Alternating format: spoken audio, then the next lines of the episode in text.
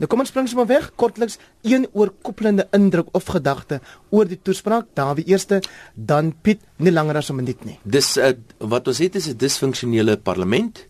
Ons het 'n parlement sekerlik die oppositiepartye het ening in hulle koppe gehad en dit is om, om die parlementsopening te ontwrig om die toespraak te ontwrig. Hulle het baie goed daarin geslaag, maar die realiteit is ook is dat en ek dink hulle het wel hulle was onredelik geweest in baie gevalle, maar die realiteit is ook dat ons het 'n ANC regering of 'n ANC politieke dominante politieke party wat dit al meer moeiliker en moeiliker vind om 'n president met uh, te verdedig met met daar's baie vraagtekens oor sy waardes, daar's baie vraagtekens oor sy vermoëns.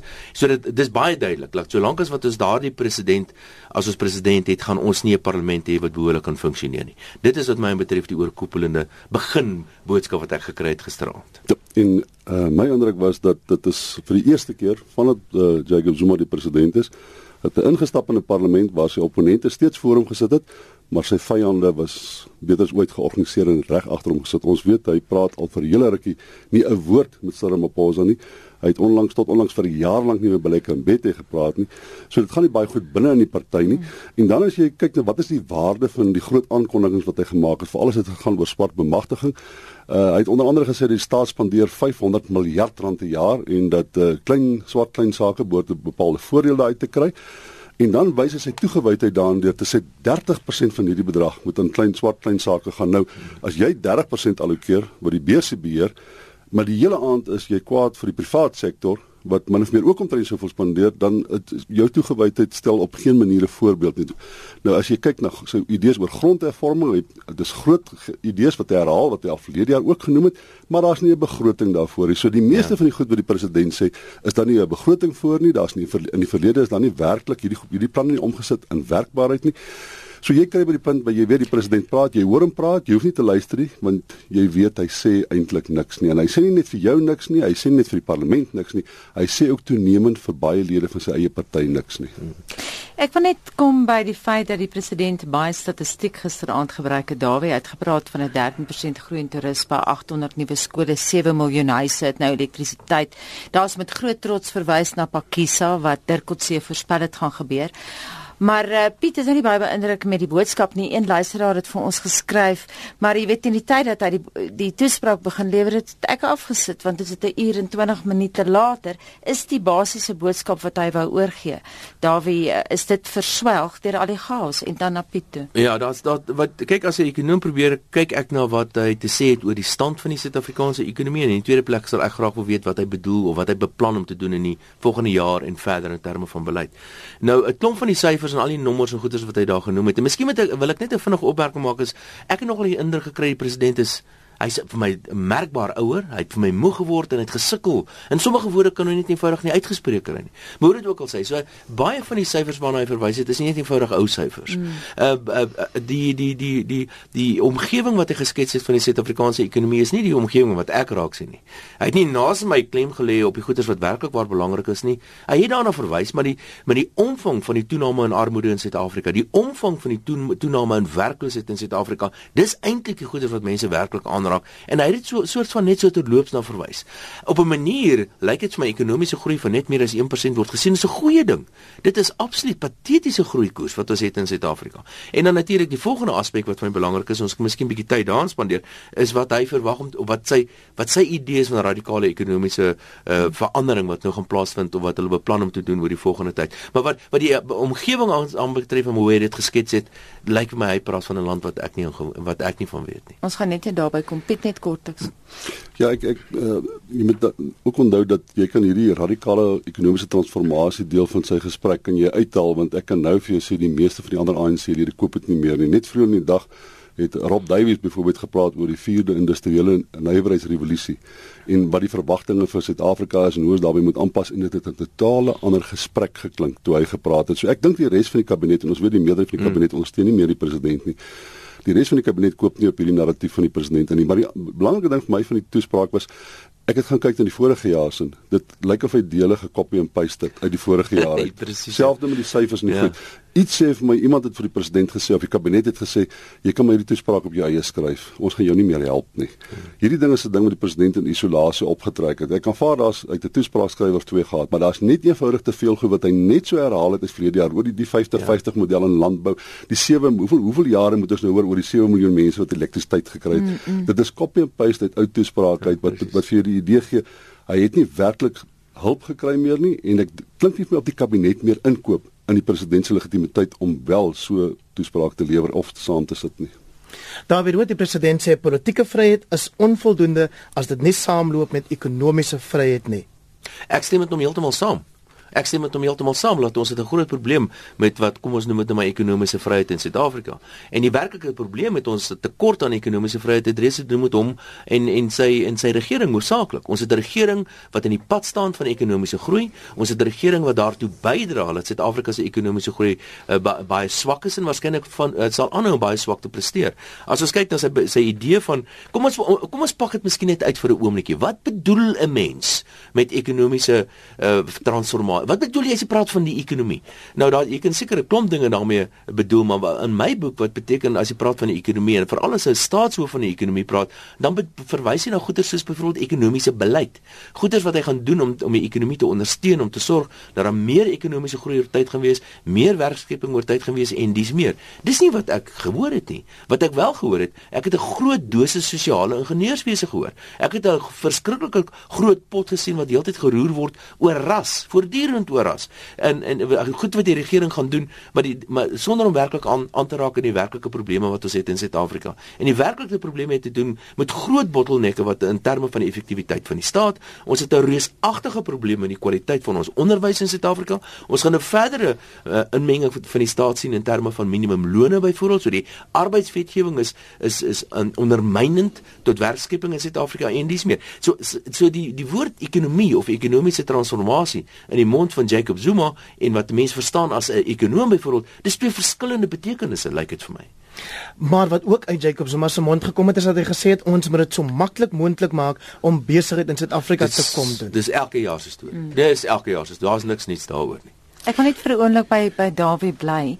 Uh kom ons kyk na die feite, na wat hy genoem het in terme van ekonomiese transformasie want ons het nou in die koppe gesê dis wat ons vir antwoord het. Wat beteken dit? Hy het gesê dat net 10% van die top 100 maatskappye wat op die Johannesburgse aandelebeurs gelys is, behoort aan swart Suid-Afrikaners. Hy het gesê eiendom uh minder as 5% behoort aan ons swart landgenote en dit moet verander. Nee, daai syfers is eenvoudig verkeerd. Ek meen die, die, die syfers is eenvoudig verkeerd. Dit is totaal onwaar. As jy byvoorbeeld kyk na die OBK, wat is die OBK? Die OBK bestaan hoofsaaklik uit staatsamptenare.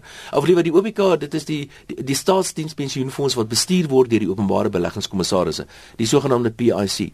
Dit is dit is geld wat hoofsaaklik swart staatsamptenare daarin gesit het. Daai geld word hoofsaaklik belê op die aandelebeurs. years. So die syfer om te sê dat net 10% deur swart mense besit word in Suid-Afrika, dit is feitelik verkeerd. Die die as jy kyk na grond byvoorbeeld, wie is in beheer van grond in Suid-Afrika? Ek dink Piet gaan my dalk 'n beter syfer kan gee. Dis hoofsaaklik die staat. Die staat is by verre die grootste uh uh, uh, uh, uh eienaar van grond in Suid-Afrika. En 'n klomp van daai goederes is onder beheer van tradisionele uh, tradisionele leiers. So duidelik is die president besig hiersom om eintlik 'n wig tussen die verskillende rassegroepe in Suid-Afrika te probeer indryf. Dit is die syfers en die statistieke is eenvoudig verkeerd en dis selektief die nommers wat hy daar Dis aan. maar dis 'n ou ding, dis my baie interessant dat die ANC dit wat hulle goed en reg doen. Hulle wil dit eenvoudig nie gebruik tot hulle krediet nie om een of ander rede vind hulle sin dan om hulle self een of ander slagoffer Ja. te maak.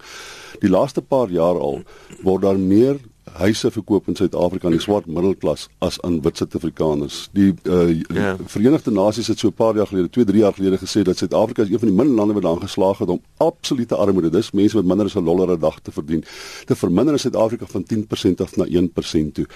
Uh so is in, in die swart middelklas het in, in 'n kwessie van 'n dekade van 1 miljoen sê uh, sal sal uh, uh, Leon Lou vir jou sê 1 miljoen af na 6 miljoen toe verbeter. Ja. Hoekom is dit nie? Dit is geweldige groot oordrag ja. van kapitaal en bates en waarde. Hoekom nie dit beklemtoon nie want ek moet vir jou sê dis revolusionêr. As jy nou praat van werklike ekonomiese transformasie, dis waar dit plaasvind. Maar die president se klem val waarskynlik op watter individuele persoon besit 'n myn watter individuele persoon het beheer oor Denel? En ek dink dit is waar hy sy fout maak. Dit is elite bevoordiging, elite verryking, maar die belangrike ding is net vinnig iets wat sy toespraak weer gisterand sê. Die belangrike ding is dat elke ding waaroor hy gepraat het, eintlik gegaan oor die swart middelklas gisterand. Hy het nie gepraat oor mense wat werkloos is nie. Hy so, so as jy kyk byvoorbeeld oor die feesmas vol argument wat hy gehad het mm. in die threshold wat hier rondom 600 000 rand moet wees vir 'n gesin indien hulle wil kwalifiseer vir bepaalde voordele. Nou 600 000 rand plaas jou ek dink in die top 5 ja, ja. inkomste verdieners in Suid-Afrika. So wie is die mense wat die voordele gekry het? So sy bemagtigingsplan, sy idees vir die studente, elke plan wat hy gisterand opgehaal het, het nie gegaan oor die armstes en die armes en werkloosheid of ekonomiese groei nie, maar hoe om die middelklas, die hoër middelklas en die reeds bevoorregte mense op 'n of ander manier meer te bestendig en die logiese af afleiding wat jy kan maak is om onthou die EFF is 'n swart middelklas party. Die ANC het die swart middelklas pryse gegee en hierdie is 'n groot mate 'n manier om te probeer om hulle terug te kry. Dawie rood grond is natuurlik 'n belangrike kwessie ja. vir ons luisteraars en laat ek net gou vir jou daai syfer aanhaal die president sê slegs 9,8% van die 82 miljoen hektaar van die hy het in Engels gesê arable land en gisterand kon ek kompet nie die Afrikaans daarvoor vind nie maar beelde te baie woord vertaal ek bewerkbare ja. grond in Suid-Afrika is tot nou oorgedra aan swart mense. En wat hy ook nogal iets gedoen het en nou wonder ek wat gaan daarvan word. Hy het nogal 'n groot ek dink so iets soos 90% het die president genoem van hierdie grondeise word afgehandel afgehandel met eenvoudige finansiële met geld. Jy betaal die ouens steeds daarvan van grond en hy het gesê dis 'n probleem. So wat beteken dit? Gaan ons nou een of ander maatreël sien in die toekoms waar swart mense byvoorbeeld geforseer gaan word verskoon tog geforseer gaan word om op die grond te bly ten einde een of ander sosiale uh, doelwit van die regering te bereik. Maar wat vir my interessant is is dat onthou al hierdie goedes gaan geld kos. Nou die minister van finansies gaan sy begroting in 'n in 'n maand se tyd gaan ons nou weet wat in die begroting van die minister van finansies gaan wees. En al hierdie goedes gaan geld kos en die president het gesê hierdie dinge gaan geld kos, but we will find the resources het hy gesê. Nou soos dinge tans staan, is die staat is daar net eenvoudig nie meer geld vir die staat nie. Die staat daar gaan uh, uh, ek dink daar gaan nogal baie uh, belastingverhogings in die begroting wees en dit lyk my hier gaan nog meer belastingverhogings in die begroting wees as wat ek aanvanklik gedink het want al hierdie drome en al hierdie doelwitte van die politici moet deur iemand betaal word en soos gewoonlik gaan dit die belasting betaal. Ek weet nie van hierdie grondstorie omdat jy moet onthou die staat koop die grond en dan wil hy dit oordra aan swart Suid-Afrikaners om verkies om die geld te vat. Die staat behou nog steeds besit van daai grond daarna. Ja. Dis nie asof die grond dan nog steeds in wit hande bly nie. En daai word buite die sommetjie gelaat. Hy vat net die 5% wat mense actually aanvaar en sê dit is dan uh landbou. Die ander ding is wat gebeur en dit is dit is hoekom baie mense eenvoudig die geld verkies. Ek kan nou vir jou sê dat die waarskynlikheid as jy grond kry, jy daarna nog verder verarm is enorm want jy gaan nie uh uh, uh die staat gaan jou nie verder help met infrastruktuur, ja. jy gaan met kapitaal help. So jy sit op grond wat jy nie mag verhandel nie. Jy mag dit nie verkoop nie. Jy kan dit eintlik nie gebruik nie want jy het nie kapitaal om dit te doen nie en jy het nie 'n institusionele geheue om dit behoorlik te benut ook nie. Mag ek vir mag ek vir jou iets vra Piet want dit is nou iets wat wat wat nou te doen het met die internasionale omgewing en dit's die Trump verskynsel en wat besig is om te gebeur uh, in terme van van uh, van politiek internasionaal. Die president het wat my 'n vreeslike klem daarop gelê dat ons hierdie een one uh, China policy van nou af gaan hê. Ek meen hy het soveel klem daarop gelê dat ek gedink het wat ons gaan nou Taiwan binneval soos wat dit te kere gegaan het. En en die volgende oomblik, die volgende sin het hy daartoe gegaan oor Suid-Afrika se toegang tot die Europese Unie. Maar hy het nie dieselfde tipe van politieke ondersteuning aan die Europese Unie gegee soos wat aan aan China nie. My vraag eintlik hierso is, eh, almal het gewag dat daar is iets oor die kernkrag gaan sê. Mm. Daar was nie werklik iets oor kernkrag nie. Is die klem op China miskien dat hy sê hy loyaliteite geskuif het, laat dit nie noodwendig met die Russe gaan wees wat die kernkragstasies gaan verskaf nie, maar nou die Chinese. Kyk, die Chinese is 'n steenkool-ekonomie. Hulle baie bou geweldig baie ja. kernkragsentrale as dit is, maar hulle is eintlik primêre steenkool gedrewe ekonomie. Nee, ek wonder of dit nie maar iets te doen gehad het met my Mani se besoek in Israel, die DA se besoek aan mm. aan Taiwan en jy weet onthou die die ANC is uitgevang dat hulle self 'n besoek of twee aan Taiwan gebring het. Ek wonder of dit nie maar net 'n bietjie balansering van dit was nie. Maar die feit dat hulle nie oor kernkrag gepraat het, is 'n ja. baie baie interessante verskynsel want nou kan ek vir jou sê dis heel waarskynlik dat Pravin Gordhan die 22ste Februarie ook nie 'n woord daaroor hoef te sê nie, want jy moet onthou dit wat die president in hierdie toespraak sê, moet Pravin Gordhan die 22ste voor 'n begroting voorsien. En dan moet 'n kontinuïteit wees as die president nie oor kernkrag praat nie, Pravin dit ook nie te doen nie. Maar hy het ook gesê dat hy gaan behalwe nou van wetgewing en beleid en dis meer gaan hy die begroting gebruik om sy doelwitte te bereik. As jy pas by ons aangesluit het, ons praat ver oggend met Dr Piet Kroukamp en ekonom Dawie Rood oor gisterand se staatsrede. Ek wil terugkom na swart ekonomiese bemagtiging en die kernwoorde radikale ekonomiese transformasie. President Zuma het ook gesê dat daar 'n wet op 20 Januarie vanjaar al gepromulgeer wat groot konstruksiemaatskappye gaan verplig om ten minste 30% swart Suid-Afrikaners as eienaars daarvan aan te stel.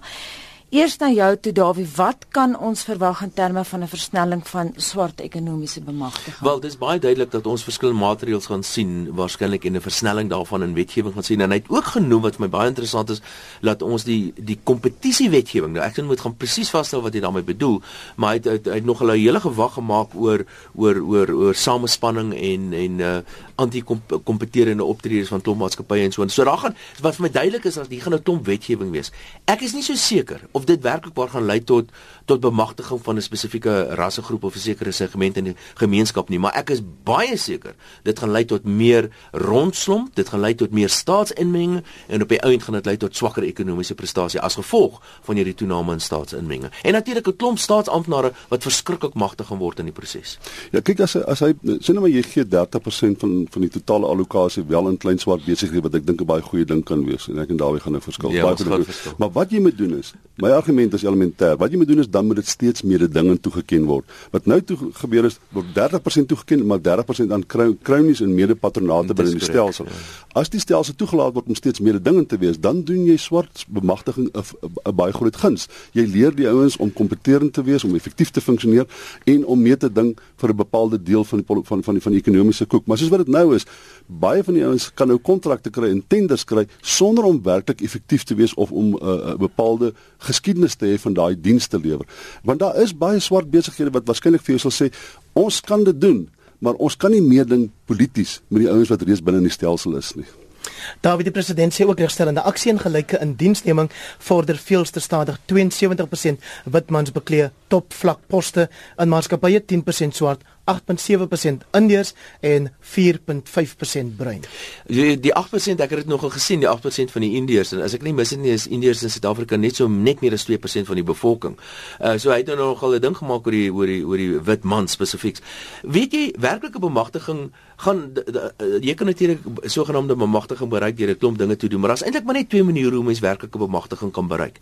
Die een is is dat jy met mense kry met die nodige vaardighede en die tweede ding is jy moet ekonomiese groei kry. En so die klem op die van die president se toespraak wat bemagtiging aan betref was gewees om hierdie hierdie koek in kleiner deeltjies te sny en hy het hopeloos te min klem daarop gelê om die koek groter te probeer maak. Nou Suid-Afrika se onderwysstelsel is 'n disfunksionele onderwysstelsel. Dit is nie net swak nie, dit is van die swakste in die hele wêreld. Nou ek kan vir jou sê met daardie tipe van uh, werkers wat die land wat die wat die en dit is hoofsaaklik swart en kleerling uh, uh, mense, armer mense wat benadeel word hierdeur. En die werklike begin van werklike bemagtiging het te doen om heel eerste plek ons vaardigheidsontwikkelingsstelsel te verbeter en dan tweede plek maatreëls in plek te stel om ekonomie te groei. Dis die enigste manier hoe ons oor tyd almal in Suid-Afrika ryk sal kan maak. Het ons 'n bietjie van 'n oordadige beheptheid met die idee van groei. Ek sê hoekom die Amerikaners groei teen wat 1.6%, die Europese Europese ja 1.6 nou 1 in die Europese Unie 1.7%. Ja. En die klem in daai ekonomie gaan, hoe kan ons sê net maar die vierde industrie hele nywerheidsrevolusie. Hoe kan ons dit die hoof bied? Hoe moet ons ons ekonomie verander om dit te kan doen? Hoe moet ons ons opleiding, ons vaardighede verander om dit te kan doen? Op hierdie stadium word daar redelik aanvaar dat in terme van die ou industriële revolusie gaan jy nie vreeslik groei in veral hierdie groot lande soos Japan groei nie, uh, Europese Unie groei nie, Amerika groei nie. Miskien moet ons aanvaar dat ons gaan nooit weer teen 3 en 4 en 5% groei nie. Dit is baie belangriker dat ons die die kern van ons ekonomie, die manier hoe hy werk, die manier hoe ons vaardighede genereer en die manier hoe ons uh, onsself integreer in die internasionale ekonomie. Dit is nou belangriker beleidsdokumente wat ons op die tafel moet kry eerder is om geld te spandeer op groei wat waarskynlik nie in terme van die ou reëls gaan gaan gemaak staan word nie. Piet, ek wil dit net vinnig in 'n groter konteks van die chaos van gisteraand plaas en ek wil 'n vraag aan jou stel, Dawie. Ons het nou gesien dat die diplomatieke korps is met pepersproei bespuit, dalk nie 'n wonderlike idee nie. Watter soort boodskap stuur dit uit ja. aan beleggers? President Zuma het ook gisteraand gesê dis baie belangrik en al hierdie goeders van ek radikale ekonomiese verandering het te doen met om die ekonomie meer kompeterend te maak. Maar watter boodskap het gisteraand uitgestuur? Wat mense nie besef nie is dat die beeld wat enige beleggings beleggingstemming het in die geval van Suid-Afrika nou hierso is van uiterste belang. En nou ons kan kyk byvoorbeeld na die wisselkoers van die rand. Die rand en nou, nou daar's 'n klomp ontleeders wat sê, "Hoe wow, die rand is nou baie sterk want ons verhandel teen onder R13.50." Dit is nie sterk nie. Dit is 'n bitter swak geldeenheid nog steeds. So Suid-Afrika betaal alreeds 'n baie groot risiko marge, 'n groot prys daarvoor. Laat ons goed hê, soos byvoorbeeld onduidelikheid oor beleid en die swak wyse waarop uh, beleid bestuur word en die regering bestuur word in Suid-Afrika. So ek is bevrees die beeld wat ons na buiteland toe stuur is dat kyk na hierdie land, kyk wat so chaos dit is. Hulle bestuur nie hulle demokrasie op die behoorlike manier nie en baie beleggers is dit bevrees sal weer 'n keer twee keer dink voor hulle geld na Suid-Afrika te belê. Piet Krookamba, is daar enige iets wat uit hierdie chaos van gisteraand uit geneem kan word as 'n positiewe Ja, ek dink in terme van wie gaan president word, het ons uh, gesien Balek en Bet het gisterand finaal haar stoom verloor. Ek dink Julius Malema het haar finaal cut it down to size. Ek dink sy is uit die prentjie uit finaal. Die president moet onthou en Lamini Zuma moet dit ook onthou dat uh, die president is nie meer eh, 'n uh, kaart wat jy kan speel as rede hoekom jy opvolg moet opgevolg moet word nie. Ons weet dat uh, in die aanloop na gisteraand toe was die uh, opponente van die president het hulle stem baie dik gemaak. Ja. Jy sien ten dele daarvan in die toespraak. Dis nie 'n baie indrukwekkende toespraak nie. Dis nie een wat vreeslik uh, dinamies is nie. Dit verander nie baie, maar die feit bestaan is die president is nie toegelaat om te sê wat hy wil sê nie. Hy kon net oor swart bemagtiging kon hy iets sê en ek kan nou vir jou sê jy kan maar Cyril Ramaphosa se gesig gesit en kyk terwyl hy in die agtergrond geluister het. Mm. Hy sê ja, sure, not on my watch. nou maar baie dankie. Dit was die stem van die politieke kommentator Dr Piet Kroukamp wat vanoggend saam met die ekonom Dawie Rood ateljee toe gekom het om die staatsrede van 2017 vir ons te kom ontleed.